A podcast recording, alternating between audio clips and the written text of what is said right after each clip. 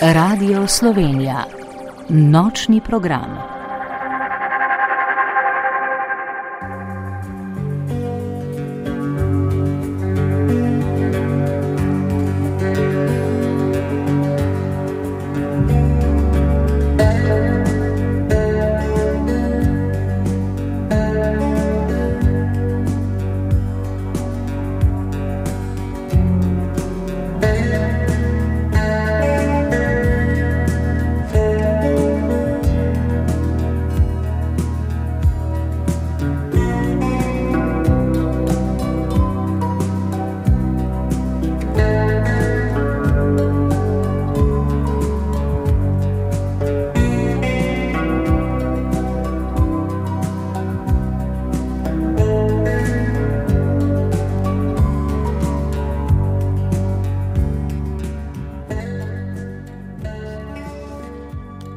Spoštovani poslušalke in poslušalci, lepo pozdravljeni in vabljeni v družbo nočnega programa.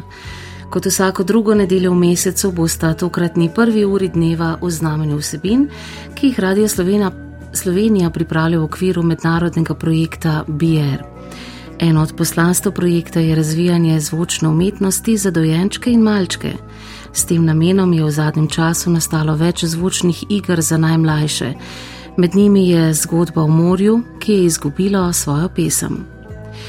Igro je zasnovala režiserka Saška Rakev, izvirno glasbo je napisala skladateljica Bojana Šalič Podešva. Strokovna sodelavka pri projektu pa je bila psihologinja in psihoterapeutka dr. Katarina Kompan Erzar. Vse tri avtorice zdaj tudi pozdravljamo v našem studiu. Dobro večer in dobrodošle. Dobro večer. Dobro večer. V nočni družbi bova še tonski mojster Vid Humor in voditeljica Ana Marija Štukal Kuzma. Naš pogovor bo povezovala glasba, ki jo je za to noč izbral glasbeni urednik Matej Unišek. Skladba, ko čas se ustavi in zasedba vokabela, naše gosti v studiu pa Saška Rakev, Bojana Šalič Podešva in Katarina Kompan Erzar. Kar dve gosti sta danes prišli v studio takole iz drugega kraja. Eh, Saška, vi ste prišli naravnost iz Bratislave, Bojana, vi iz Zagreba. Um, v Bratislavi, Saška, ste sodelovali na mednarodnem festivalu radijske igre za otroke in mladostnike pri Ex-Equo. In tam ste na debati o izzivih tega čudovitega, pomembnega področja izrekli misel, zvok je dotik. Kakšen je ta dotik? Hm. Ja, še enkrat en lep večer vsem poslušalcem in poslušalkam. Um, mogoče sem kratko o tem festivalu, ker je res izjemen. To je bienalni festival, se pravi, poteka vsaki dve leti. Uh, namenjen je pa radiofonski umetnosti, se pravi radijskim igram za otroke in mladostnike. Pravzaprav gre za edin festival znotraj Evropske radiofuzije, ki um, pač predstavlja in si pač različne radijske postaje med seboj izmenjujejo in prikazujejo pač dela, ponujejo dela v poslušanje, ki so nastalo v zadnjih dveh letih. Um, radijska igra za otroke bi rekla, da v tem našem sodobnem, hitrem, multimodalnem, v zelo vizualnem, utemeljenem svetu um, je en velik izziv, kako jo ustvariti, um, kak, s kakšno vsebino ponuditi najmlajšim, pa predvsem ne, na kakšne načine to vsebino pripeljati do. Um, pripelje do njih, da se jih bo res otaknila. Nekaj tisti časi, ko smo, pa se verjetno mrsikdo, ki danes večer posluša, ne tukaj z nami in si delimo ta prostor in čas, ne se spomni, kako smo včasih poslušali radio ne, in kako se je okrog radija zgradila neka skupnost.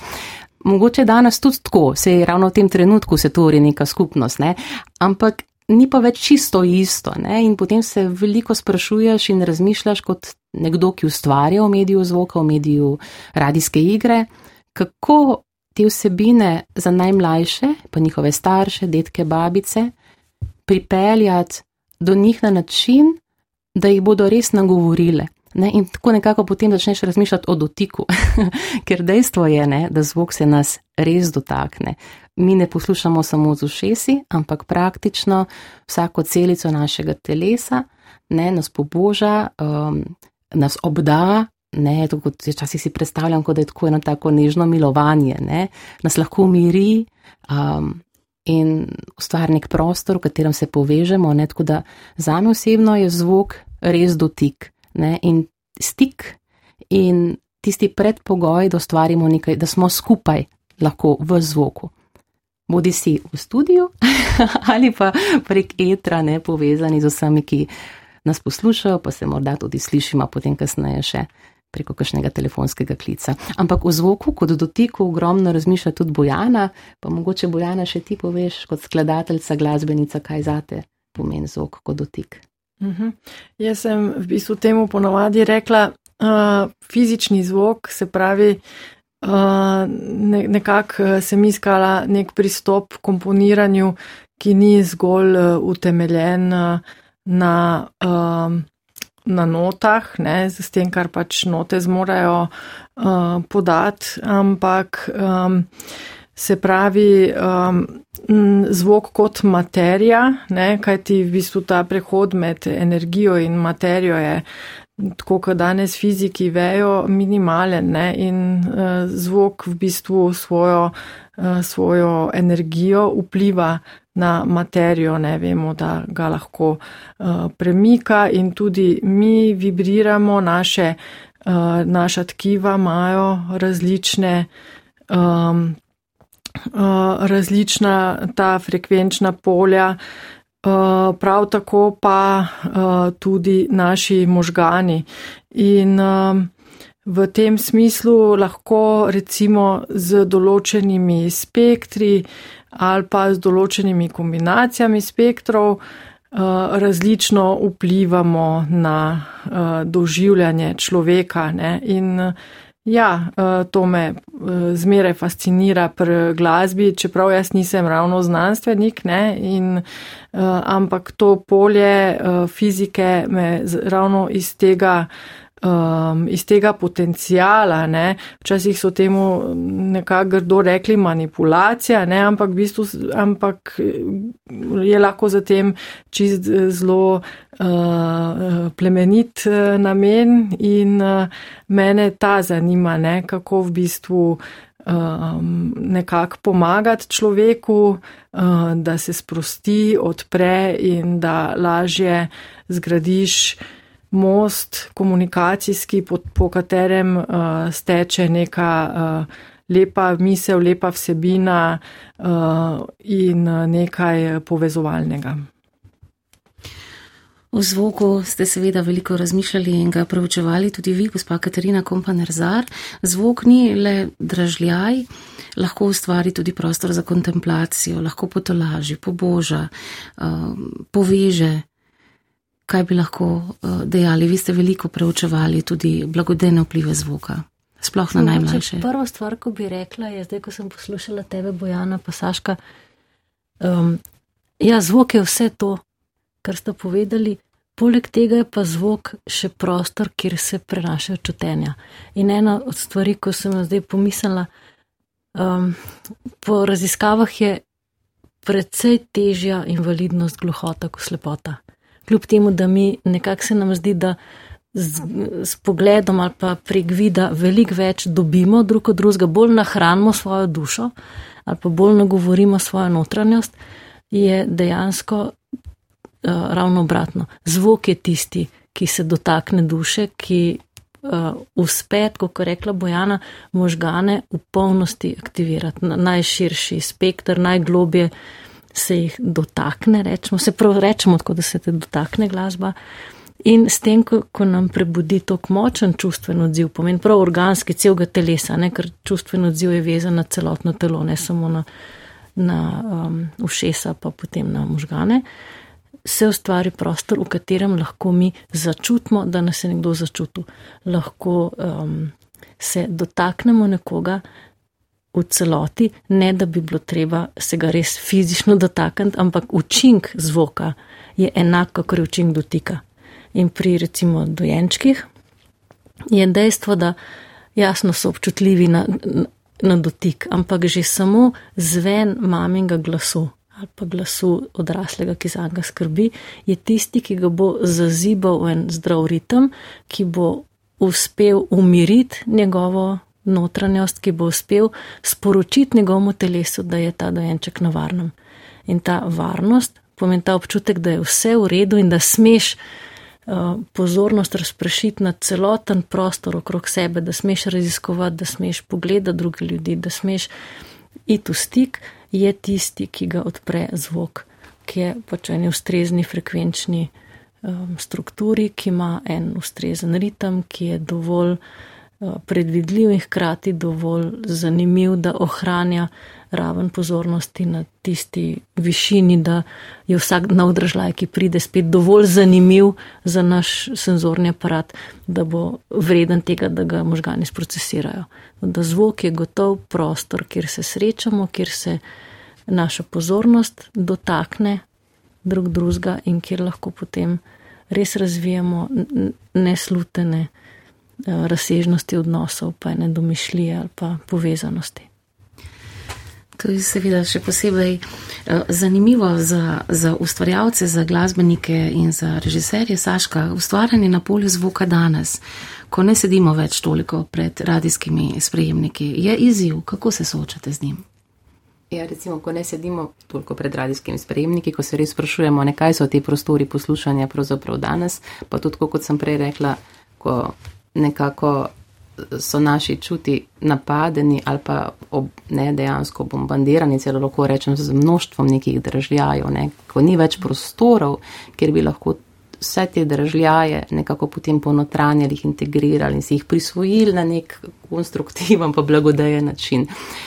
Um, ne vem, na različne načine. Ne, mogoče ta naš projekt BR, ki je res en tak prostor za, uh, za skupno raziskovanje, uh, je ravno iz te potrebe in tega vprašanja vzniknilo, kaj je zvokom danes, ne? kako ga lahko v bistvu.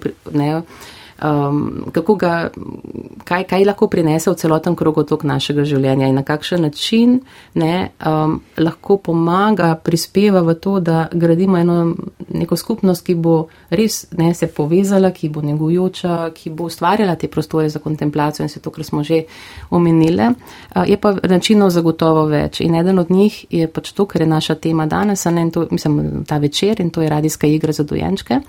Um, tukaj mislim, je bilo več izhodiš, zakaj smo v to šli. Mogoče je to ena taka moja obsesija, da rečem, ne, mama sem postala pred šestimi leti in sem pač in obsedena sem zvokom in pa kar naenkrat dobiš eno malo bitje in v bistvu mu želiš dati nekaj, kar imaš tirati, ne, ampak kako se pa z njim povezati, ne, že to je bil zame velik problem, ker je bila ta izkušnja zame kar težka, ne, ampak nekako sem si želela, da bi v bistvu z Ano Terezo, to je moja hčerka, se znala povezati v zvoku, ne, hkrati me je pa tudi fasciniralo, ali to, ne, um, ne kaj, vprašanje moje je bilo, ne, tako da skačem, ampak recimo, kaj je tist, tisti držljaj glasbeni zvočni, ne, ki ga lahko tako mehnem otroku v bistvu ponudiš, ne, da ga lahko res um, nekako s tem pomiriš, objameš se ga dotakneš, ne, da lahko skupaj z njim raziskuješ, ne, hkrati pa je bila moja izkušnja tudi takšna, da sploh, ko je potem malo odraščala, ne, smo dobivali ogromno igrač in te igrače so bile tako grozljivo glasne. Spomnim se prav enega dinozaura, ki je bila njena najljubša polka, je bila malčica igrača in tisto je tulilo, tulilo, tulilo, ne, in, in potem sem ga skrila, ne, zato, ker enostavno nisem vedela, kako naj tisto utišam in je bil tak jok, ker je bila tako zelo navedena na unga dinozaura, da sem ga vrnila in na koncu sem v bistvu prelepla z obliži ti zvočnik, ker se ga ni dal stišati. Mm. To sem tako mal plastično, hočem povedati to ni edina taka igrača, se mi zdi, ki jo danes najdemo po ne, v mrsikaterih specializiranih trgovinah z otroki, pa tudi z neko znamko varne igrače. Ne. In je tako bilo noro, da v bistvu nihče zares ne premišlja, ne premišljamo, kaj bomo otroku dali na krožnik, v kaj ga bomo oblekali, kakšne pleničke mu bomo dali gor, ne, kako mu bomo opremali sobo v barvah, v materijalih, kaj pa zvok ne, kaj bomo zvočno prenesli v to življenje, ne, novo, mladno, ne, ranljivo, krhko. No, to je pač ena taka čisto osebna istočenca, druga je pač to, da me kot dramatičarko, pa režiserko že zadnjih 20 let uh, zelo zanimajo, bom rekla, neke vrste, da rečemo, nove dramaturgije ali pa neprem, nekako premišljevanje načinov, kako neko zgodbo, ne, kako neko sebino prenesemo do poslušalca. In nekako pa so še s kolegom Gregorjem Piršom, ko so skupaj pisala ta projekt, dejansko razmišljala o tem, ne, da so ta, te prvi meseci ali pa prva leta življenja izjemno, lahko temu rečemo, hvaležna za ustvarjalce. Zato, ker mi smo skozi življenje mrsikaj naučeni ne, in posvojimo uh, pač kultu, kulturni vplivi, ne vem, izobrazimo se, ne, razvijamo neko kuse, ne, ampak v bistvu stopimo v ta svet, smo pa izjemno odprti ne, in um, mrsičemu, hkrati pa tudi ne.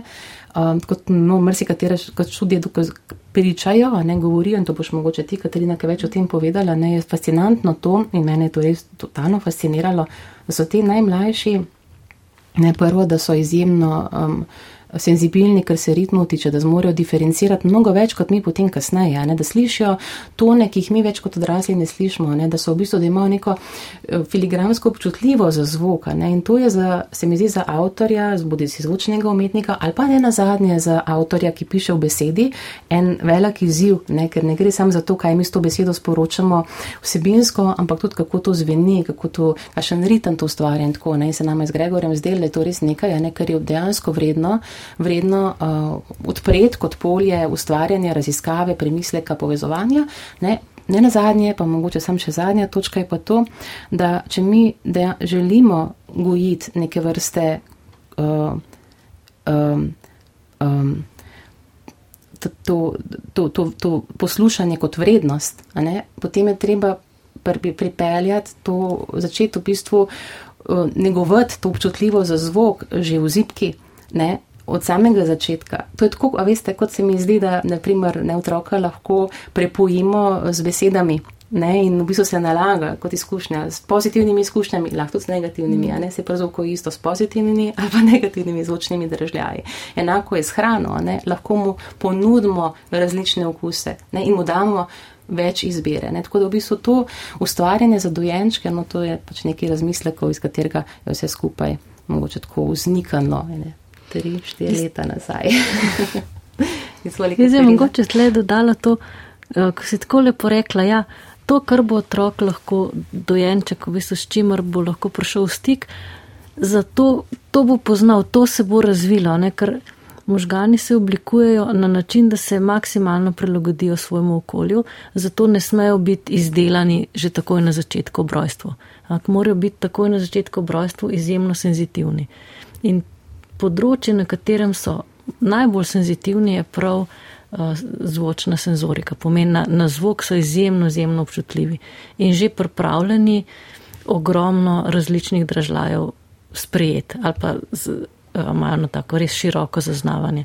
Ker konc koncev zvočni, um, zvočni aparat je prvi, ki začne delovati že pred rojstvom, pomeni, otrok že posluša v polnosti že v maternici. V maternici videti ne more, ker je tema.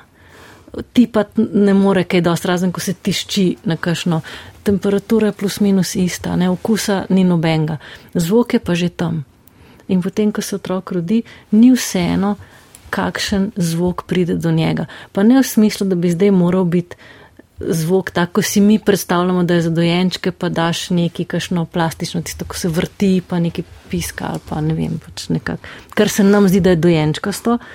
Ampak dojenčkasto pomeni, da primerno za dojenčke pomeni, da zares ne obremeni njegovega senzornega aparata. A ne, če si ti pozoren na detalj, če si ti pozoren na drobne razlike in to otroški, otroška všesa so lahko pozorna je hrup ali pa so močni zvočni držaji pre, ne vem, to boš ti vedela, kako se reče, taki, da so ne, tako zelo um, glasni, ampak da, nim, da niso tridimenzionalni, da so zelo tako plehki, rečemo. Tak mrtev zvok, bi jaz temu rekla. Um, in če ga s tem zabašamo, je kot da ga začnemo hraniti sladkorjem. Bo sicer čisto zadovoljen, nahranjen, ne, energije bo imel veliko, ampak okusa ne bo imel več. In če mi pri zvoku naredimo isto, pač njegov spektr, ta potencial, ki ga ima, zmanjšamo na nek zelo ozek minimum, kar lahko rečemo v redu, nač hudga, če bo živel v takem okolju in te drugega ne bo rabo. Ampak dejstvo, da otrok ne bo živel v takem okolju. In če, bo, če mu zožamo to pozornost na en tak um, dvodimenzionalen način, potem bo oropan tega, da bi lahko svet tudi kasneje zaznaval njegove polnosti. Pomenimo svobodo, enega tudi. Um, Ne samo izbira, ampak tudi svobodo tega, kje bo lepota do njega prišla, kako bo um, se upel v svoje okolje, mu zmanjšamo. In kar je najhujš pri zvoku, če to naredimo, je to, da na iste poti, po katerih se procesira zvok, po istih nevronskih poteh se procesirajo čustva. Pomenimo, zožamo tu čustven spektr. Ti boš uh -huh. bolj mhm. vedela. uh, ja, tako krasne besede, res sem fascinirana. Katarina, uh, uh, vsekakor mislim, kdor se ukvarja z zvokom, ve, da ima zvok zelo veliko aspektov, ne, zelo veliko parametrov in uh, lepo govoriš o tem, um, kako se pravi, je lahko zvok bogat uh, z, v teh aspektih ali pa ne. ne. Uh, ampak zdaj mogoče. Uh, tako najbolj nazorno lahko to po, pokažemo z glasnostjo. Z, vsi razumemo, kaj je glasnost. Ne? In zdaj naša kultura je zelo glasna, uh, preglasna. Ne? ne v nekem takem pogovoru, ampak recimo uh, uporaba medijev ne? oziroma um, celo predvajanje vsebin za otroke. Um, prav nasplošno, ne vem, najprej mi zdaj pade na, na pamet kinematografi in mm. koncerti. Uh, kot glasbenica se teh uh, zadev večinoma um, izogibam. Ne mislim, ne mislim za koncertov za živo, uh, pač akustično glasbo, ampak veliko uh, koncertov, z, uh, ki uporabljajo zvočnike. Um, pa ravno zdaj sem bila tudi na uh, festivalu uh, gibanja v Zagrebu, kjer pač seveda, da, poleg tega, da smo z Jatoce uh, svoje stvari uh, prezentirali, smo poslušali tudi uh, druge in uh, mi je zelo žalostno videti, da, um, da se lahko tako zelo zlorabi zvok, da se neke, neko kakovost zvoka, kom, odsotnost kakovosti kompenzira z glasnostjo. Eh, prav tako, um, recimo, sem bila pred kratkim na projekciji uh, filma o slavnem skladatelju. Ne? In uh, ravno to je taka snov, kjer bi človek pričakoval, da, da bojo ja nastavili glasnost tako, da doživiš lahko res cel diapazon lepote te uh, glasbe. Ne? Uh, ampak ne, v bistvu. Um, Eh, je to postavljeno toliko previsoko, ne, da se potem uh, ušesa naša ima vseeno kar nekaj te adapcijske uh, um, zmožnosti in, uh, in se prilagodijo, ampak to deluje kot recimo limiter na, um, na snemalniku, se pravi, um, to dinamično raznolikost enostavno zmanjša v njenem zgornjem registru, ne, registru glasnosti, mislim. In, uh, in to pomeni, da smo uh, en ta aspekt zgubili, poleg tega pa se naša, naše telo se zapre, ušesa se zaprejo, človeku je tega preveč in potem tudi vse te druge lepote, ki bi jo lahko ta vsebina imela, nima učinka, ne? se pravi, to ne pride do nas. Ne? In tukaj, recimo, kadarkoli se znajdem v kontaktu z vzgojiteljicami in tako naprej, um, in s študenti, poudarjam, uh, odgovornost vseh je, da čuvajo sluh uh, otrok. Um, sluh otrok um, je enostavno, tako kot je že Katarina povedala, veliko bolj senzibilen, ne? niso še tako poškodovani kot mi, ki smo že hote ali pa ne hote bili toliko krat izpostavljeni tem nasilnim uh, dražljajem ne? in, uh, in imajo in frekvenčno zmožnost slišanja večjo um, višji obseg, se pravi, že do najstniš, najstniških let se menda kar uh, več kot 10% tega uh, obsega izgubi, um, potem, kar sem brala, pač uh, raziskav.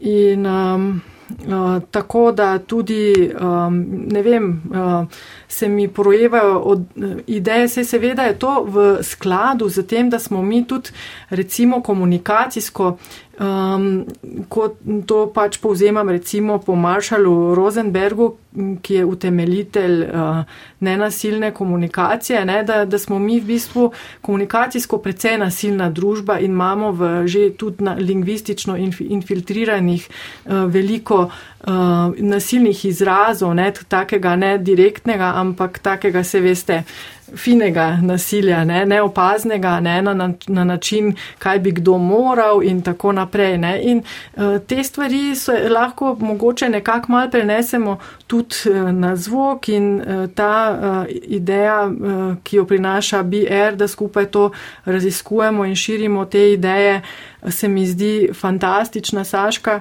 Um, in si želim, da to res čim ve, v čim večji meri pride uh, tudi do teh, ki bojo vzgajali otroke in do vzgojiteljev. Ne? In uh, da mogoče naredimo neko društvo za nenasilen zvok. Zaška, vi ste, um, ko ste raziskovali in ustvarjali v tem polju zvoka, uh, tudi razmišljali o, ist, o relacijski estetiki. Nam poveste, kakšna je to, kaj je to točno? To je pravzaprav nek delovni naslov mm. radijske igre za dojenčke. Um, če grem zelo nazaj na začetek, ne, recimo, ko smo začeli ta proces, je to en čudovit proces. No, in res je tako, nek danes, ko sem se vozila iz te Bratislave, sem razmišljala, ne, kako to v bistvu, ker ko nekaj napišeš na papir, ne, nekako intuitivno čutiš, zakaj bi to rad delal, ne, pa imaš tudi neke zelo jasne argumente, ampak v bistvu ne veš, kam te bo res proces pripeljal. Ne. Mi smo čisto na začetku rekli, ok, zaradi teh pa teh pa teh razlogov bi radi delali med drugimi stvarmi, ki jih bomo delali v projektu, tudi nekaj, če bomo rekli, delovno radijska igra za dojenčke. Se pravi, da bomo ustvarjali nek, neko zvočno ne, umetnino, ki jo bomo ponudili poslušanje najmlajšim. Potem so se pa začeli problemi. Naprimer, eden od njih je, da ko smo začeli skupaj raziskovati ne, in tudi mač vemo, kot te stvari, da dejansko zelo mehen otrok, dojenček, naprimer, ni, ni, ni stvar pasivnega poslušanja, ne, da ti daš v bistvu neko kvalitetno, lahko tudi, ampak kvalitetno kompozicijo pržgeš gum, pa ne potem pa juhu, ne, zdaj pa imamo v bistvu tišino in mir, otrok fulu živa, pa še nekaj dobrega smo za njega naredili, nekaj redko kvalitetno glasbo posluša, mi pa se lahko malo spočijemo, se bi se zasluženo lahko malo spočili, ampak ni to stvar umetnosti za dojenčke, če tako rečem v narekovajih, ne. In smo prišli do tega, da v bistvu prva stvar, na katero hočemo raziskati, pa premisliti, je to, ne, kako poslušati. Ne? In smo prišli do te ideje poslušati skupaj. Potem je bila pa druga stvar, ne, ker tako kot zvoka, ne, recimo mi odrasli, nimamo problema s tem, da poslušamo zvok, brez da vidimo izvor zvoka. Medtem ko za dojenčke je drugače, njihov učni proces in tudi eno vstopanje v ta naš svet gre skozi to, da, ne, ko sem malo Terezo pozvala, pa, pa tudi vemo, to je splošno znano, ne, da se dotakne, da da usta, da poliže, ne, da vidi, ko jaz govorim, kako se mi ustnice premikajo, da se včasih še po, po, po, ne, pretirano pačem, da iščem ta stik. Ne? In zdaj radijska igra nič od tega nima, ne bo radijskega sprejemnika od rok, ne vem, ne, objel pa, preflatal pa tako naprej. Ne? In tudi mora biti, mora biti tam neka živa oseba. Ne? In seveda, naprimer, ni tako kot recimo v gledališču, kjer je ta koncept small size že zelo razvita, ne? tako gledališče za dojenčke. Tam seveda performer je in je v stiku s tem dojenčkom, ne tam prisoten, dojenček ga gleda, pride zelo blizu, a ne se ga. Ne? Bodi si ljudka ali pa objekt nek, da ne v radijski igri tega ni. Potem smo pa včasih na začetku projekta, to še vedno tu delamo, in zdaj nam um, razne izobraževanja potekajo v okviru projekta. No, in eno od teh izobraževanj v obliki webinarjev je bilo na temo zvok in glasba v razvoju otroka. In takrat je kolegica z Hrvaške, Vida Manestar, predstavljala um, enega od možnih ne, metodologij, kako se v bistvu mehne otroke uvaja ne, v glasbo in je predstavljala Music Together. Um, tam je bil en način, kar nam je zelo zarezoniral in to je, da v bistvu so starši vozili svoje dojenčke na te dogodke, ampak zelo pomembno je bilo pač to, da je dojenček oziroma malo, to malo bitje uh, glasbo, zvok doživel, doživela skozi. Um, skozi, in, skozi v bistvu izvajanje mame ali pa očeta ali pa nekoga drugega pomembnega odraslega. Ne temu bi lahko celo rekli nekaj, se performirati ali pa igrati za svojega otroka. Se pravi, da je bila aktivna udeležba odraslega, ki je postal neke vrste most ne, med umetniškim delom in med dojenčkom, ne, in v bistvu pel otroku, prišepetaval, gestik, ne, to. In ni stvar posluha ali ga imate, ali ga nimate, ampak tega, da v bistvu se nekako uglasiš na to zvočnost in postaneš ta most, ta stika. Ne smo rekli, ja, to je to, mi hočemo delati v bistvu. Uh, lahko rečemo participatorno, oziroma ne osnovna struktura bo to, da bo v bistvu ta kompozicija, ki jo bomo naredili zvočno takšna, da bo omogočala to igro odraslega in otroka. Ne, se pravi, da se boste lahko skozi zvok povezala in se skupaj igrala. Se pravi, da radijska igra pa ne, postane neke vrste poligon, ne tretji igralec ali pa četrti ne, v, v igri med odraslim in otrokom.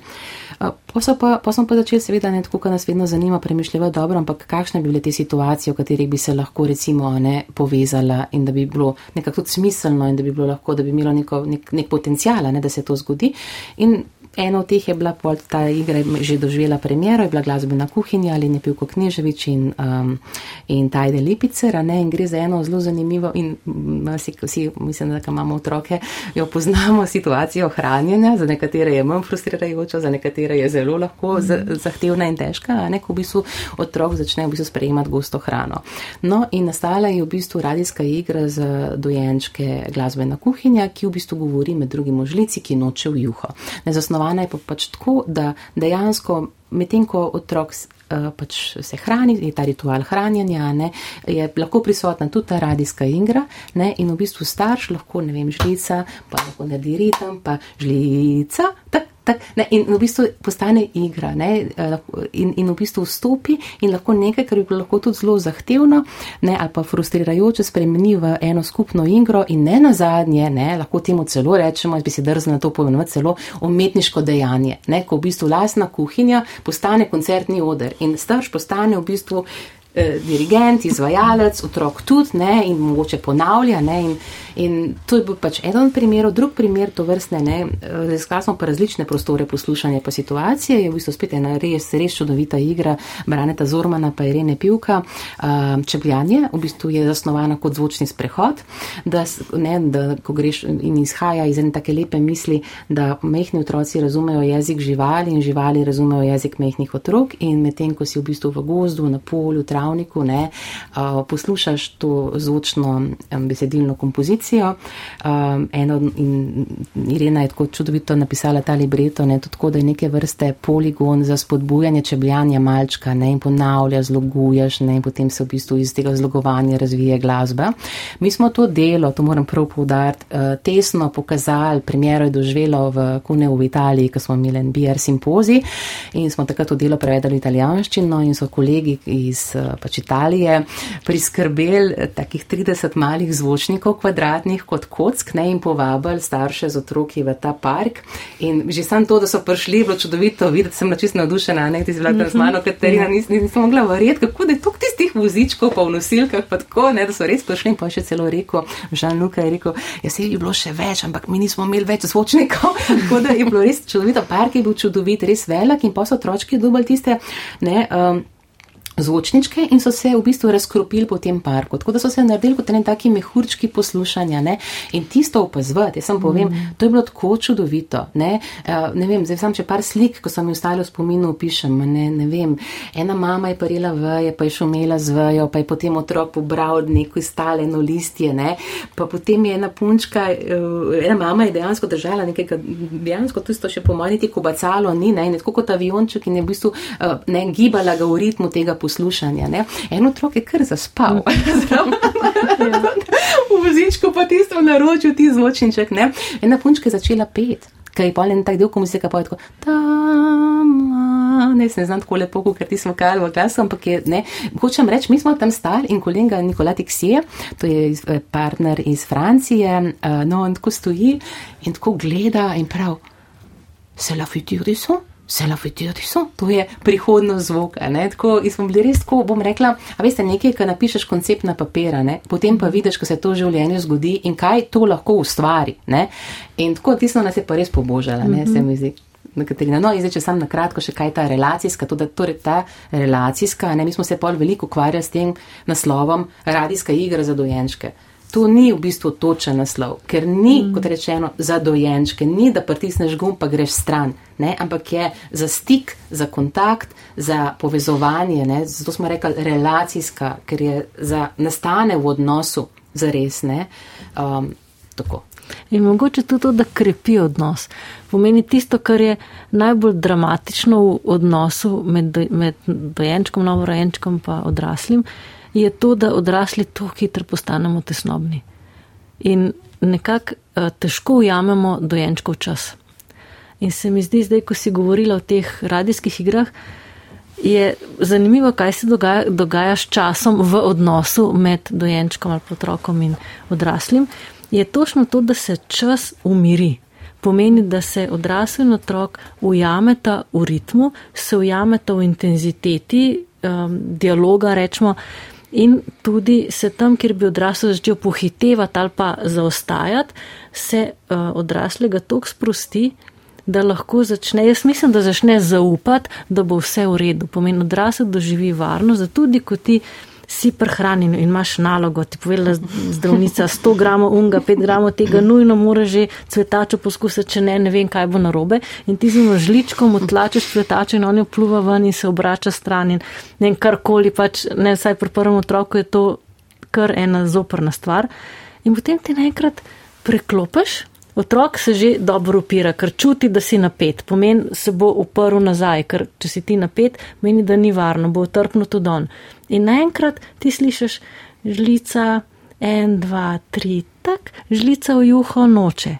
In češ, vse je res se zakaj pa shitela s to cvetačo. Narediva en krok in se umiri odrasel, se umiri otrok in pač poje cvetačo, kot to ni več neka posebnost, ampak pač en del nečesa večjega. Kakor ravno tudi pri tem sprehodu v park, se mi vsi vemo, da dojenčka se pelje na sprehod v park. Pa priš po park, pa ne veš, kaj bi sam sabo.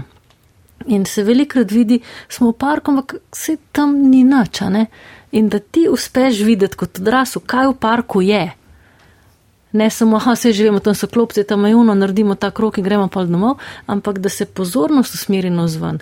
Pomeni, če se je tam pri glasbeni kuhinji recimo čas ustavi na ta način, da se ujame en ritem in da se neha prehitevati, se pri čeblanju ta struktura te kompozicije, se zato mora biti kompozicija umetniška, pomeni do detajla natančno premišljene in postavljene, um, se pozornost odraslega usmeri na detajl, ki ga prej sicer ne bi opazil. In ko odrasel lahko začne gledati detajle, ko začne odkrivati take vsakdanje pa stvari, ki jih moče sploh opaziti znova, takrat začne počasi gledati na svet z dojenčkovimi očmi. In ko odrasel gleda na svet z dojenčkovimi očmi, takrat dojenček začuti, da je čuten. Opazi, da je viden in sliši, da je slišan. In to lahko naredi ena zvočna struktura, rečemo zvočna kulisa, ali, ki odraslega spomni, v kakšnem ritmu, v kakšni intenziteti, v kakšnem okolju in v kakšni pozornosti živi. In dojenček pade v to noter, zato pa je to, saj ne vem, to boš ti pa več povedala, kaj pomeni za tako le publiko skladati, to je čista mora. Nam je fajn poslušati, ampak ne to narediti je pa, je pa res umetnost. Torej, tretja v nizu teh radijskih igr za dojenčke pa je radijska igra Morje, ki, kar smo že povedali na začetku. Um, vse tri ste avtorice, ste sodelovali, oziroma Saška, režiserka, avtorica Bojana je napisala izvirno glasbo, vi Katarina ste bili tudi neke vrste dramaturginja pri, pri tej igri. Ampak preden pa nadaljujemo z našim pogovorom, predlagam, da poslušamo uvod v igro Morje. Igra je bila ustvarjena z mislijo, da se najmlajši in odrasli skupaj zatopimo v morje in prisluhnemo, kako šumi njegova pesem.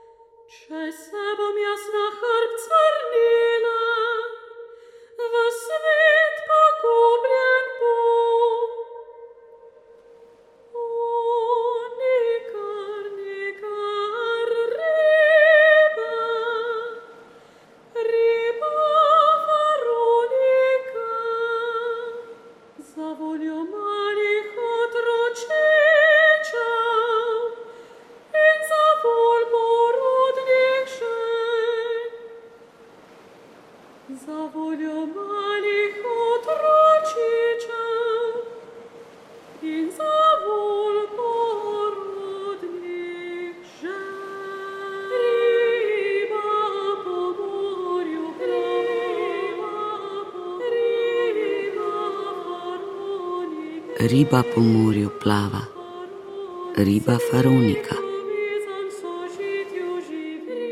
Svet povezan v sožitju živi.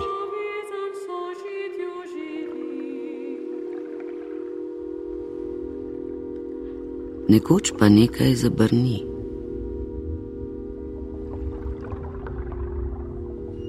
Se pesem morja v hrupu razleti morje jih ti, ječi.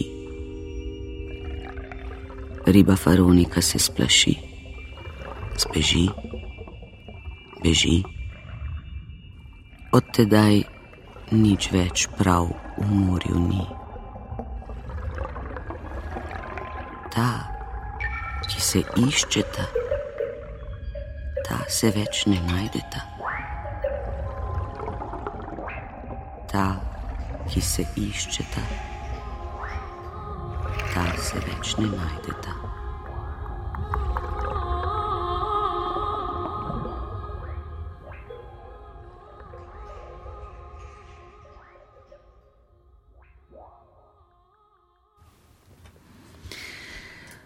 To je bil odlomek iz eh, relacijske radijske igre za dojenčke morje. Kakšen svet se razpira za njim, kako morje nagovarja, koga nagovarja? Ja, pravzaprav slišali smo uvod v radijsko igro. Um, zgodba se potem nadaljuje, ne, se pravi, torej svet, poznamo ne, ribo Faroniko, da čuva svet, mislim, da, da nas hrbto nosi svet in če pač zamahne z repom oziroma se na hrbet prevali, bo svet pogubljen. Ne. In v naši zgodbi se zgodi to, da pač nekaj ribo splaši, nekaj se zgodi, zbeži in pač ni več sožitja v svetu. In ta, ki se iščeta, se več ne najdeta, tako kot pravi pesem. Um, ampak potem se nadaljuje, ne, če pa skrivnosti, ki šumijo v morju, ne, bi slišala, ne, pa ne samo slišala, tudi če bi jih ne poiskala in jih v bistvu skupaj z morjem zapela, ne, potem bi se pač pesem morja spet sestavila nazaj in ta, ki se iščeta, se spet najdeta. Ne, tako da to je v bistvu en tak osnovna struktura pesmi, ki je, ki je in kateri plava riba in to sožitje, nek dogodek, ne, ki naredi eh, pač na razpoko in potem ti koščki, ki jih iščemo in jih povezujemo v eno valovanje. Um, misel zadaj, v bistvu tako, vse to je spet, ne pisanje v bistvu tekstov, pa tega se je pri meni vedno tako, da v bistvu nekaj, nekaj zaslutaš, nekaj, nekaj nastavaš, potem pa iščeš, pa raziskuješ in te v bistvu proces pelje naprej. Um, ena od stvari je bila v bistvu ta, da. Um, ko govorimo o dojenčkih, ne, se mi zdi, da jih pri tej radijski igri z dojenčke morje uh, smo sem saj jasno prvi začutila, da je v bistvu morda celo bi rekla, kadar govorimo o umetnosti za dojenčke, ključno tudi naravni vsebine misel o, o, o, o staršu. Se pravi, sem kar naenkrat dobila ob dojenčku, ki ga nagovarja ta zvočnost in vse to, kar smo mm. govorili, če bomo še govorili, ne, se mi je, sem rekla, ampak tukaj tudi oče, mama, oziroma mama, oče, oče, mama, babica, dedek, ne.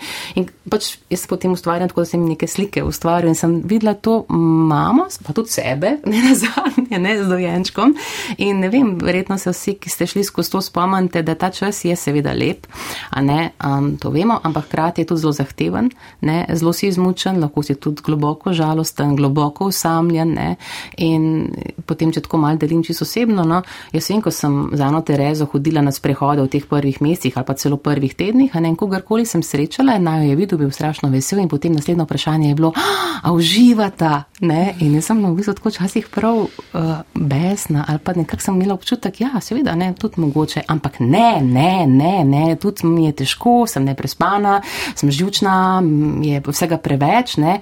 In ko, sem, ko smo v bistvu, mogoče da malo skočem, no, moram še to povedati, da v bistvu je radijska igra Morje koprodukcija z Ludkovnim gledališčem Ljubljana in to je pomembno povdar, zato ker je ta proces bil zelo, zelo dolg in zelo čudovito smo sodelovali in tudi ena velika zahvala Ludkovnemu gledališču, da je to podprlo, smo res lahko imeli ta prostor in čas za raziskavo, za premislek, za eno izmenjavo, izkušen mnen in tako naprej. Ampak nastalo je v Ludkovnem gledališču prvo kot radijska igra za malčke, kot ne, poligon, v katerega otroci vstopijo, raziskujejo, iščejo to pesem morja. Kot lutkovna, kot, ja. kot lutkovna, pardon, lutkovna predstava, hvala, uh, za malčke in je bila premjera že, že za nami in zdaj čakamo v bistvu premjero še lutkovne predstave za dojenčke, zdaj predtem pa je prva faza pa pač radijska igra za dojenčke. Ampak hočem reči, ko smo to pisali, v kontekstu radijske igre je tista slika ena od, ki je bila meni dominantna in pač to sem si res predstavljala, pač mamo in tega dojenčka v naročju in morje kot tisti val, ne, ki se začne, pa se konča in to zibanje in vse to, kar smo prej govorili v stiku, v kontaktu, v dotiku, a ne skozi pogled, ne, in mamo, ki v bistvu poje zraven. In um, ne, prva stvar, ki tudi marsikdo vpraša in zelo legitimno vprašanje, ne, je, ja, kakšne so te radijske igre za dojenčke. Se to noben dojenček ne bo razumel, ne, in tako da ne, se ni poanta o tem, ne, dojenček. Mislim, če tako rečemo, najmlajši začuti, ja, ampak zato pravim starš, mama, ker v bistvu besedilo nagovarja res tu v tem kontekstu odraslega, ne, in je v bistvu to morje, ene vrste valovanje, čustvovanje, legitimnost vseh teh plasti, čuten, čut, čustev, ki nas prežemajo v tej najzgodnejši. Ših mesecih nekega novega rojstva. Pa upala bi se celo trditi, da vse, vse to, kar takrat lahko čutimo in čutimo lahko zelo velik, ne, se ne dotakne samo, ni samo vprašanje mame, ampak tudi očeta. Ne. To je le konec nečesa in začetek nečesa novega. Pa tudi detka in babice. Ne. Mislim, jaz sama zase vem, čisto da vem, da takrat je bilo to zame eno tako, bom rekla, zelo kontemplativno čas, ne, tudi ogromno vprašanj o smrti, o, o, o, o koncu kot takšnem. Ne, in vseh, iz vseh teh premišljevanj je pravzaprav nastopil ta libreto za morje, a, ki je na besedilni ali pa na neki idejni ravni, a ne v bistvu stik z odraslim, dialog z odraslim. Tisto, kar se mi pa zdi strašno pomembno, je pa to, da če se lahko skozi to vrstno delo poveže sam sabo, pa svojimi vertikalo svojih čutena, ne, in potem boš tudi vzpostavil tudi v svoji žalosti stik z otrokom, ki bo za otroka lahko. Ne, mnogo bolj blagodejen, kot če smo mi samo, joj, vse je super, vse je krasno, a spoda je ena nevihta, ne, ena huda stiska. Ne, in je v bistvu mišljeno za neke vrste. Ne, stik sa sabo, in skozi stik s sabo, stik z otrokom, neko nežno zibanje, ne v neko. Ja, tako. V bistvu omogoča, a ne v tem občutku, recimo osamljenosti ali pa je na zelo tako znan pojav, ko 80% mam, jaz mislim, da kar 100% mam to doživi, upala, upam, da ja, je ta poporodna otožnost. Ko to ni depresija, to ni nič patološkega, ampak tisto globoko zavedanje, da nikoli več ne bo tako, kot je bilo. Da se je nekaj nepreklicno končalo in se nekaj neznanga, skrivnostnega začenja in ti ne veš, kaj to bo. A ne pomeni res tako, kakor da je, da bi se ta riba obrnila in tvoj svet na nek način mal uh, zrahlala. Tako, čisto terapevtsko rečeno, celoten družinski sistem se takrat mečken razrahla, razsuje in se ga postavi še enkrat ker če se ne razsuje, potem se to novo življenje ne more upeti v vse pore sistema, ampak bo cel sistem pritisnil na to novo življenje in ga zožil v tisto kocko, kot zmore še eno špranje nekam še neki potlačati. A ne mi pa želimo, da dojenček razsuje sistem, zato da prenese nekaj novega za vsadzga, ki je uh, tam zraven. Mhm. Um, ob enih bodo zdaj poročila, z našim pogovorom bomo nadaljevali po eni uri, zdaj pa predlagam, poslušamo še en odlomek. Pesem, krhka, silna.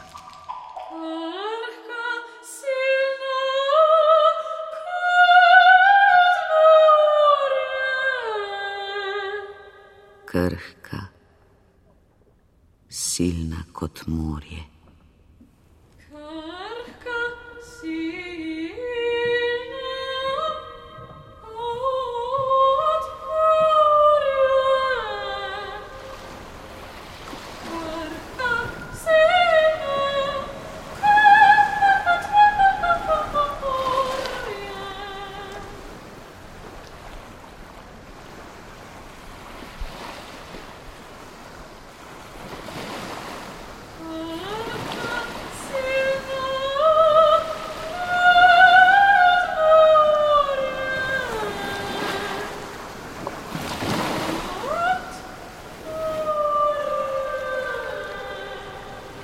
Krhka,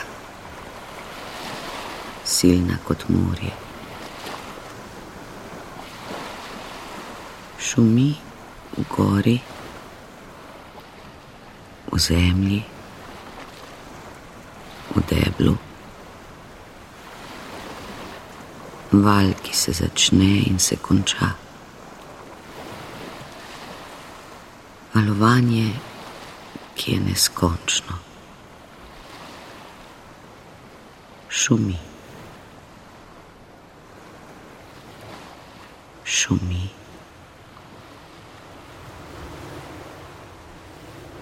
Šumiš.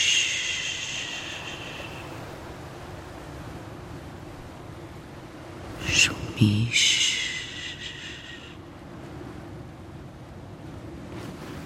Šumiš.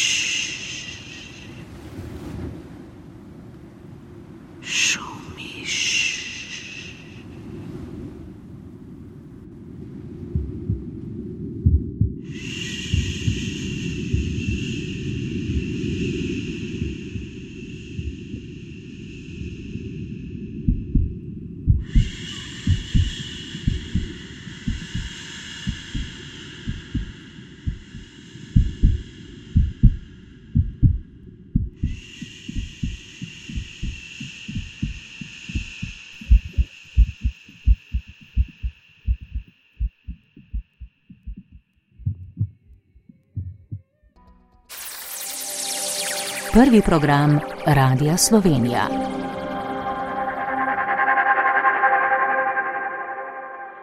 Številna so morja in vendar je morje le eno,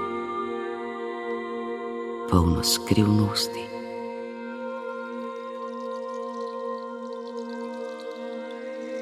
Vsaka skrivnost je pesem.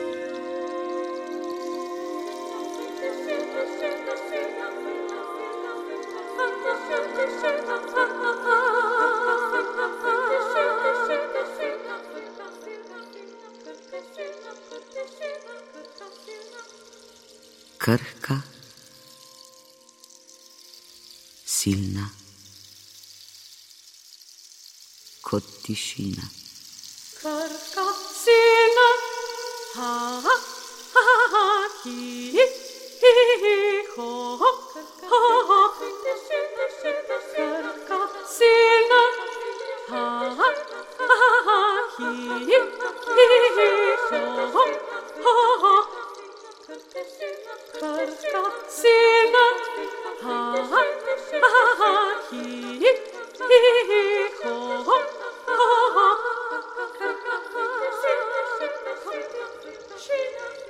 Slišiš izgubljeno šumenje morja od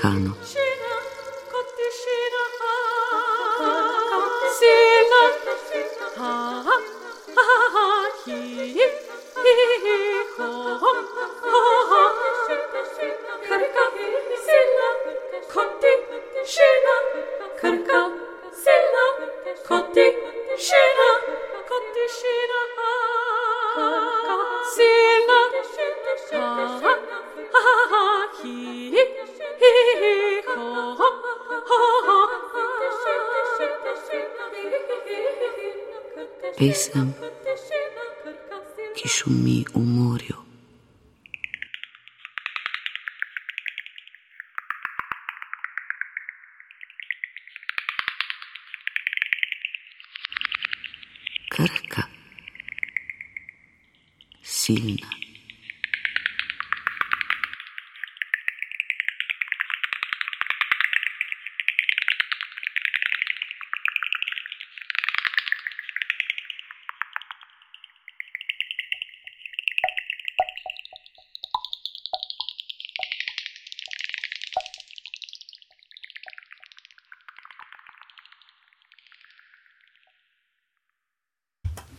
To je bil odlomek iz eh, relacijske radijske igre Morje za dojenčke. Avtoric Saške Rakev, Bojane Šalič Podešva in Katarine Kompaner-Zar, ki so z nami tudi nocoj v našem nočnem obisku. Eh, Saška, mogoče malce poveste, Morje je izredno kompleksno glasbeno delo. S kakšnim namenom, kakšen je bil ta cilj nastanka tega dela?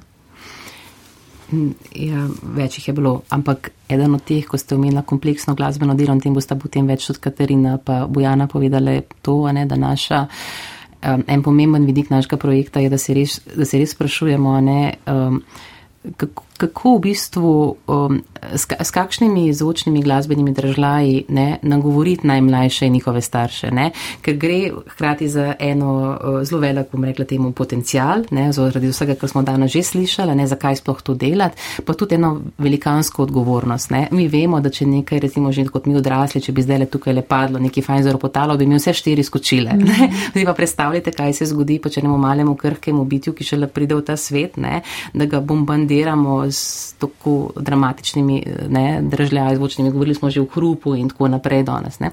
Tako da um, se mi zdi, da je ne, na eni strani raziskati to, te filigramske zahtevne, kompleksne strukture, ne, ker se mi zdi, da ne samo za dojenčke, tudi za malčke in potem kasneje za otroke mi pre, pre, premnogo krat poenostavljamo. Ne? In to je tako, kot da bi v bistvu oduzemali, ne, namesto da bi v bistvu bogatili. Ne? In nas je zanimalo, kako lahko plastimo, bogatimo, kaj to pomeni ne, za, za samo doživljanje in občutek varnosti in vse to, kar smo govorili ne, za otroka. Ne?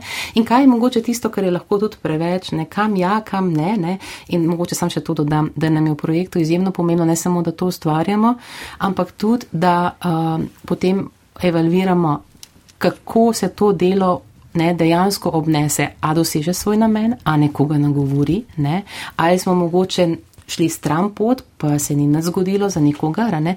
Naprimer, zato delamo evalvacije, Katarina, ne, tudi ti si mm. pač ena od strokovne eh, ekipe, ki v bistvu to dela, ne, v bistvu glasbeno kuhinjo smo poslušali tudi na audio festivalu v Ljubljani, um, pod, skupaj z mamami in dojenčki in je potem narejen vprašalnik in smo se pogovarjali veliko po tem, ne poslušali smo jo tudi v Italiji, tako kot Čebljani, ki sem ga že omenila, ne, uh, narejene bodo tesne skupine uh, uh, za poslušanje z mamicami in dojenčki oziroma z očeti in dojenčki.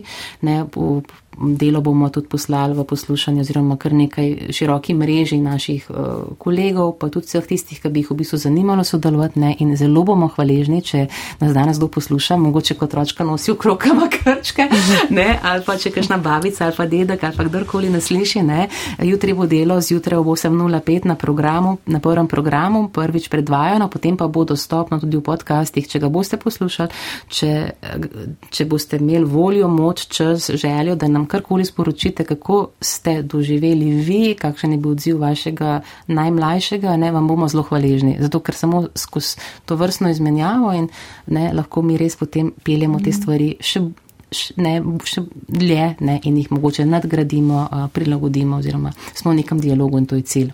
Uh mhm. -huh. Katarina, nam še enkrat poveste, kako v bistvu procesirajo um, možgani dojenčka zvok in zakaj so ravno te kompleksne zvočne strukture lahko za dojenčka v bistvu negojoče? Hm, to je zelo dobro vprašanje. Prva stvar, ne, tako kot smo rekli, dojenčki možgani procesirajo zvok zelo široko. In širok spektr, globok spektr, ne samo različne frekvence, ampak tudi um, različne barve zvoka.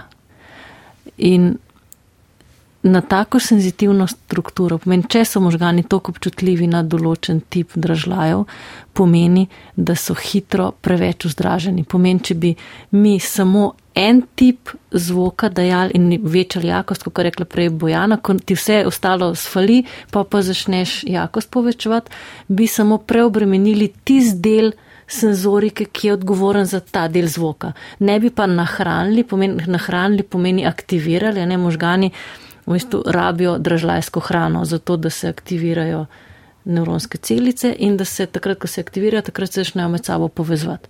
In če mi ne hranimo teh um, struktura, ne, potem začnejo odmirati, ker se jih ne uporablja. In če se jih ne uporablja, če se ne aktivirajo, tam ne steče noben proces in tistih celic pač povezav ne rabimo in zato sproti grejo. Men, če hočemo mi nahraniti možgane, moramo hkrati poskrbeti, da je struktura držlaja pestra in po drugi strani, da ni preintenzivna. Pomeni, da ni stalno vzdražen samo tako zelo netočno uh, fiziološko rečen, da ne točemo skozi po eni celici. Ne, ampak da razširimo to na, na čim širšo strukturo.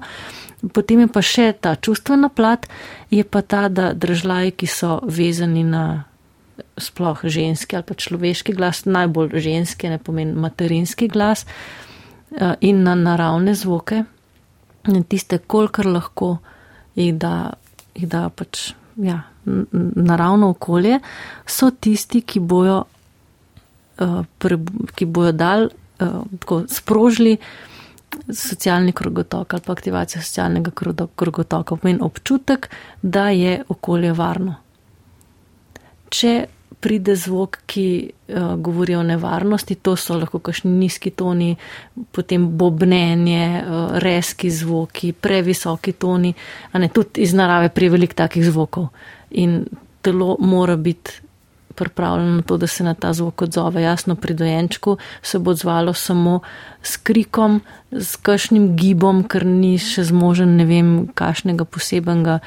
Uh, vedenja eh, varovalnega, ampak bo nekako se sprožil, se aktiviral ta alarmni sistem, ki ga moramo imeti in zato dojenček se lahko vedno zanesemo, da če mu kaj ne bo prav, če bo kaj narobe, bo z določeno frekvenco pisku, joku, kriču, cvilu, karkoli bo, ampak nam bo dal nekako vedeti, da tole pa za njega ni bilo v redu. In tretji odziv tega se pa najbolj bojimo, ker se ga zelo doskrat zamenjuje za željenega, to pa je odziv te uh, zamrznitve, to je pa plazivski odziv, ki ga imamo vsi, a ne ga tudi rabimo, če smo v smrtni nevarnosti. Takrat utrpneš in se celotno delovanje telesa zniža na minimum. In uh, meni je zelo zanimivo videti en posnetek na YouTubu, je bil dostopen, kjer en, tako mi je bilo prav hudo, en očka tako ponosno je dal posnetek, kako njegov sin je, kako ga je umirilo um, ena pesem od Andreja Bočelija. In res pokaže tega bozga otroka tam, ki je totalno znemirjen, v stolčku neki jokal, cvil, neki rentač. In potem naenkrat se z vso silo na glas oglasi neka arija, rečemo, ki bi bila sama po sebi lahko čisto v redu, ampak je prišla tako glasno, da je otrok v hipu utihnil, ampak ni utihnil zato, ker bi ga pomirili. Utihnil zato, ker se je tako prestrašil, da je popolnoma otrpno. In ko je tista arija se izpela, je spet začel jokati in oče, ker ne, no, empirično bolj veljavna raziskava, je dal arijo še enkrat in otrok je še enkrat otrpno. In rekel, vidite, kako ne glasba otroka pomiri. In jaz mislim, da mi doskrat s tem rekvajih kričanjem na otroka ga zamrznemo. In ko dojenček zamrzne, sicer da mir neki časa, ampak za njegove možgane pa to pomeni hudo, hudo um, deprivacijo. In če je to neka stalnica, bo prišlo do poškodbe. Poškodbe v smislu, da bo preprosto ta njegov organizem tako preplavljen s tem premočnim pa konstantnim stresnim odzivom, da bo začeli pač te strukture krniti. Zdaj ne, če enkrat se otrok zamrzne, ne bo umrl od tega. Ampak če pa mi ne opazimo, da v bistvu spre, um, tudi s hrupom pa zvokom povzročamo te, ta zamrznenost, pa je pa to problem. Ker to pomeni, da je naša senzitivnost bistveno premehna, da bi bili sploh sposobni opaziti potrebo tega otroka, senzitivnost tega otroka in tudi učink. In kadar smo mi pod vplivom tega zvočnega nasilja, ne, je velika verjetnost, da bo naša sposobnost prepoznavanja subtilnosti tega um, senzornega urodja, s katerim se rodi dojenček, premehna, da bi uspeli nahraniti to njegovo senzitivnost, preko katere bi lahko mi dobili svojo senzitivnost nazaj. In to se meni zdi ena dragocenost tega glasbenega dela, je prav ta, da hkrati pomiri, zato ker je kvali, kvaliteta dražlja ali pa kvaliteta zvoka v spektru varnega, po drugi strani pa nahrani, zato ker je tako pestra, tako razvejana, da hkrati prebudi pozornost, uh, obrne, ne tako veliko ima teh obratov, ki pa noben ni narejen na način, da bi alarmiral, ampak smo preseneti. Ne? In vsi vemo, da kadar um, je človek doživi presenečenje, to aktivira njegov dopaminski sistem, pomeni poveča motivacijo in omogoča še bolj um, tako iskrivo raziskovanje. In dojenček to rab. Zato je bilo recimo ena od opažanj, ko smo jo videli po obeh teh radijskih igrah, ki smo že videli v živo, je ta, da se dojenčki ne dolgočasijo. In je prav neverjetno, ker to je sanski scenarij za vsako mamo, saj zame je bil, da je 5-10 minut otrok zadovoljen in ti lahko dihaš in nisi v paniki. In ti otroci so bili zadovoljni. Pri tem, da lahko bi nekdo rekel zunaj, oh, pa to se ne take, ne, to ni zdaj kuža, pazi, pa to, kar je za otroke, ampak to je nekaj tako modernega ali pa nekaj tako umetniškega. To, ampak ravno to je tisto, kar, kar je umetniško, pomeni, da je pestro, bogato in da je intenca in struktura, s katero je to narejeno, zelo jasna. Tuk. Bojana, zdaj nam pa vi povejte, kako ste vi um, ustvarjali to glasbo za, uh, za to radijsko igro, za to pisem morja, ki se razleti in se potem spet sestavi. Uh, ja, se pravi, sedaj sledi analiza, bi rekli, ampak mislim, da bi bilo poslušalcem bolj uh, zanimivo, če rečemo, oziroma tudi bolj uh, koristno za poslušanje uh, te, uh, te igre, uh, če rečemo, na kaj vse smo lahko torej pozorni, v čemu je torej uh, bogatstvo, kot je rekla uh, Katarina, kaj so te pestrosti. Um, jaz bi rekla tudi recimo neke palete in neki kontrasti. In sicer bi mogoče najprej povedala, kako jaz vidim ta, to razpetost glasbe nasplošno med uh, naravo in ritual. In sicer narava uh, oziroma posnemanje narave, ne, v bistvu te, tole, to mi dost krat zelo po, poenostavimo in um, ko govorimo o šumu, ker v naravi so strašno pogosti šumi, ne, tako tudi v morju.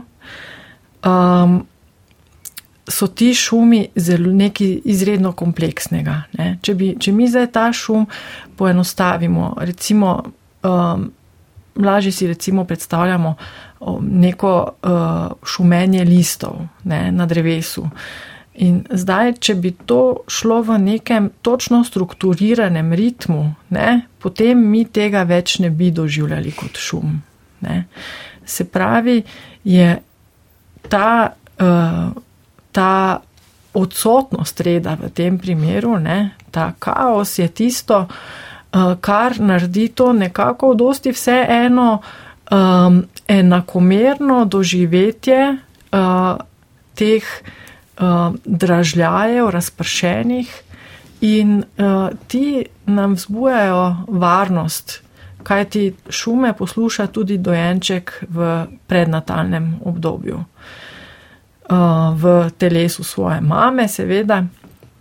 In tako da to je recimo ena skrajnost, ne, kako lahko obravnavamo glasbeno gradivo, druga skrajnost pa je, nekaj zelo ritualnega, zelo urejenega, ne, z nekimi uh, repetitivnimi vzorci. Ne.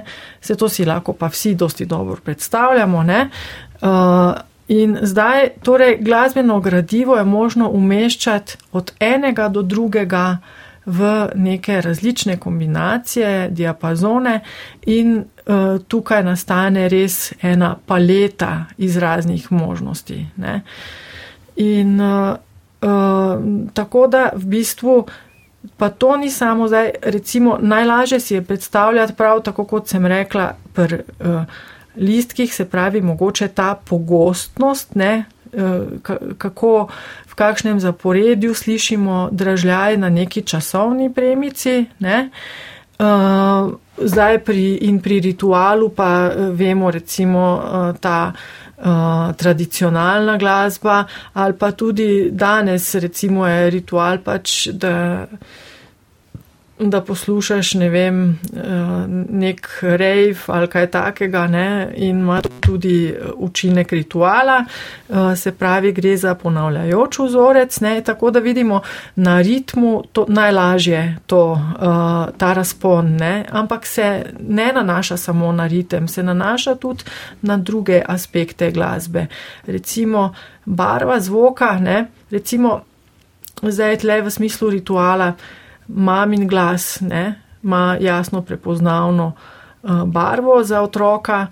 Um, in je to nekaj, seveda, z nekimi mini spremembami, um, je dosti konstantno. Uh, dočim uh, v naravi, ne, pa imamo spet lahko zelo take uh, fine spremembe uh, barve skozi časovnico nekega zvoka.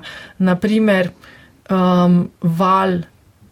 Uh, se pravi, kako se začne in kako se začne. Ne? Se pravi, v katerem registru, kateri del šum, kateri spekter ima najprej šum, ne? ponavadi nek, uh, nek nižji, pa se potem uh, prelije v višjega. Ne? Se pravi, lahko govorimo o nižinah in višinah tudi pri šumu ne? in se potem spet razprši, oddalji v neke nižje.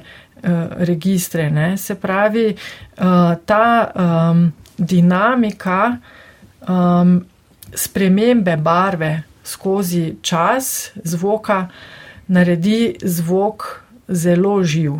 Ne? Če ne ga čutimo kot togega, umetnega, um, tako kot bi rekla Katarina, ne nahrani uh, ravno veliko naših teh uh, centrov za poslušanje in, uh, um, in to potem tudi um, ne daje tega uh, bogatstva. Ne. Tako da uh, tudi z teh vidikov potem tudi sama pristopam, uh, tudi v tej uh, radijski igri. In sicer, naprimer, uh, slišali smo že začetek um, z Ribo Faroniko, ki je v bistvu um, nekaj arhetipskega, um, gre za tradicionalno ljudsko pesem, ne, in slišimo ženski glas. Ne, se pravi, kot prvo je bila neka odločitev tudi, da obstaja melodija v tem, uh, v tem delu, ne, se pravi, da ta zvočnost morja ni samo morje, ampak da je tudi uh, melodija. Ne, se pravi, melodija kot del te uh, ritualnosti. Ne. In uh, um, iz te ene melodije, ki na začetku učinkuje kot monolit, ne, uh, in je to spet tudi en aspekt, ne, se pravi ta monolitnost, dobimo potem neko razvejanost, mnogoplastnost. Ne, se pravi spet uh, ta diapazon je tokrat v neki uh, kompleksnosti nalaganja nekih uh, linij, nekih sozvočij, ne, od uh, enoglasja do mnogoglasja. Um, potem, uh, uh, potem imamo tukaj to zgradbo melodije, recimo v tem delu. Me je zelo zanimalo pač čim prej vedeti vse elemente, ki jih mi potrebujemo za celoto, Eh, kaj ti želela sem, da vsi funkcionirajo skupaj. Ne? Da ta pesem morja, ker je bil tudi koncept Saškin, da v bistvu pesem morja je, tvori vse, kar je v morju ne? in se pravi, vsi ti prebivalci uh, morja imajo nek svoj Eh, nek svoj glas, ampak skupaj pa tvorijo zvočnost morja. Tako da je tudi meni bilo pomembno, da zastavim vse elemente, ki se pojavijo, se pravi vsi ti neki songi, ne? če bi lahko temu rečem vse melodije ali pa prav melodije, eh, tako da se lahko tudi v nekem momentu skupaj pojavijo in bojo ravno tako dobro funkcionirale. Ne? Se pravi, v bistvu neko na, nasledstvo palestrininega uh, kontrapunkta. Um, tako, uh, zdaj melodika ima še druge aspekte, ne? se pravi, uh, kateri nabor uh, tonov se uporablja um, v naši kulturi. Imamo prepogosto samo nek dur in mol, ne? recimo za dojenčke je zelo ugodna pentatonika, uh, Tako da eh, tudi tukaj obstaja neko uh, bogatstvo v teh uh, bi rekli, modusih, ne, tudi uh, uporabljam neke starejše moduse, ki jih poznamo kot recimo starogrške. Um, in um, tako, torej, vse to, zlasti pa te potem barve zvoka in fine spremembe zvoka, ki jih slišimo, recimo, že prej smo slišali v delu iz uh, morskih koničkov. Um, no, mogoče še ena taka zanimivost, ne, ker smo ravno prej tudi slišali ta smeh kamna. Ne, In tega sem pač uh, želela uh, posvetiti Beethovnu uh, in sem izhajala iz motiva, ki začne peto simfonijo, ki je tudi zame gotovo uh, primer nekega najbolj, uh, uh, najbolj, kako bi se reklo, markantnega ritma.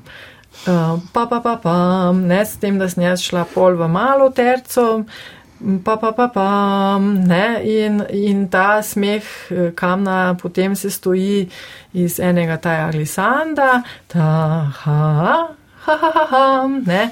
In zakaj ravno Beethoven? Zato, ker je Beethoven vsaj po eh, mojem vedenju um, prvi eh, tak klasični skladatelj, ki je pristopal zvoku res fizično, z, z njegovo uh, torej poslušanje z, uh, z celim telesom, s kostmi, kajti vemo, Beethoven je torej hitro izgubljal sluh in si je za poslušanje pomagal, torej tako, da je poslušal preko kosti, ne, da je naslanjal celo svoje telo na rezonančno ploščo klavirja in uh, tako se mi je zdelo pač.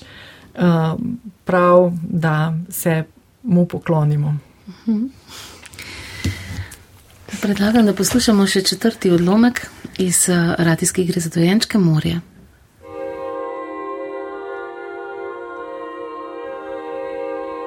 In tako šumi pesem morja.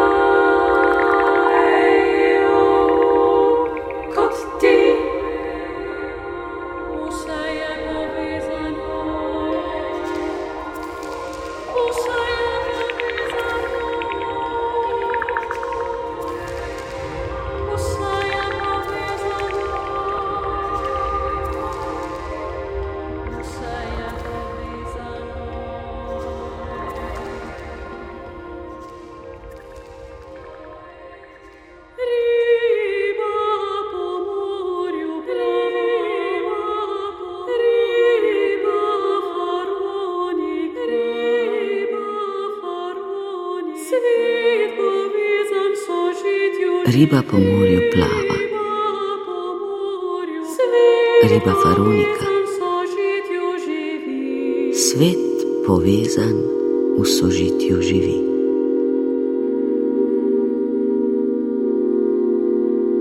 Tako se najdeta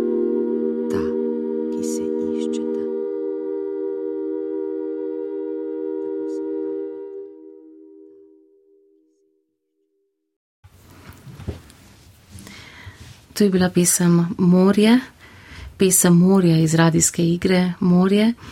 Z nami v studiu pa so bile avtorice te, te lepe zgodbe. Govorili smo torej o morju, ki se razleti in se potem ponovno sestavi. Riba Faronika se vrne in svet je spet povezan v sožitju, živi naprej, morje šumi. Naša zgodba pa je s tem tudi nekako pri koncu. Spoštovane gostje, najlepša hvala za obisk v studiu. Z nami so bili torej um, režiserka in avtorica Saška Rakev, skladateljica Bojana Šalič Podešva, psihologinja in psihoterapeutka dr. Katarina Kompan Erzar. Kako je izvenela tale pesem Morje za vas? Izvenela je čarobno, izvenela je skrivnostno in izvenela je z enim zanimanjem, kako bo zvenela tudi v mamicah in dojenčkih in očkih in sploh odraslih, ki si bojo pripravljeni nekako sprejeti ta izziv, da smejo slišati v ton stran tega, kar je najbolj očitno. Hvala še enkrat za obisk v našem studiu. Zvočno je oddajo oblikoval Vid Humber. Pogovor sem vodila Ana Marija Štukal Kuzma. Oddaja del projekta BR, v katerem Radio Slovenija v sodelovanju z osmimi mednarodnimi partnerji razmišlja o vlogi in vplivih zvoka na človeka, da bi v tesnem sodelovanju umetnikov in strokovnjakov iz različnih področji nastale nove radiofonske in glasbene vsebine za najmlajše in ranljive skupine. Znova bomo s podobnimi vsebinami v jetro nacionalnega radija drugo nedeljo v mesecu decembru. Vsebine iz projekta BR sofinancira ustvarjalna Evropa.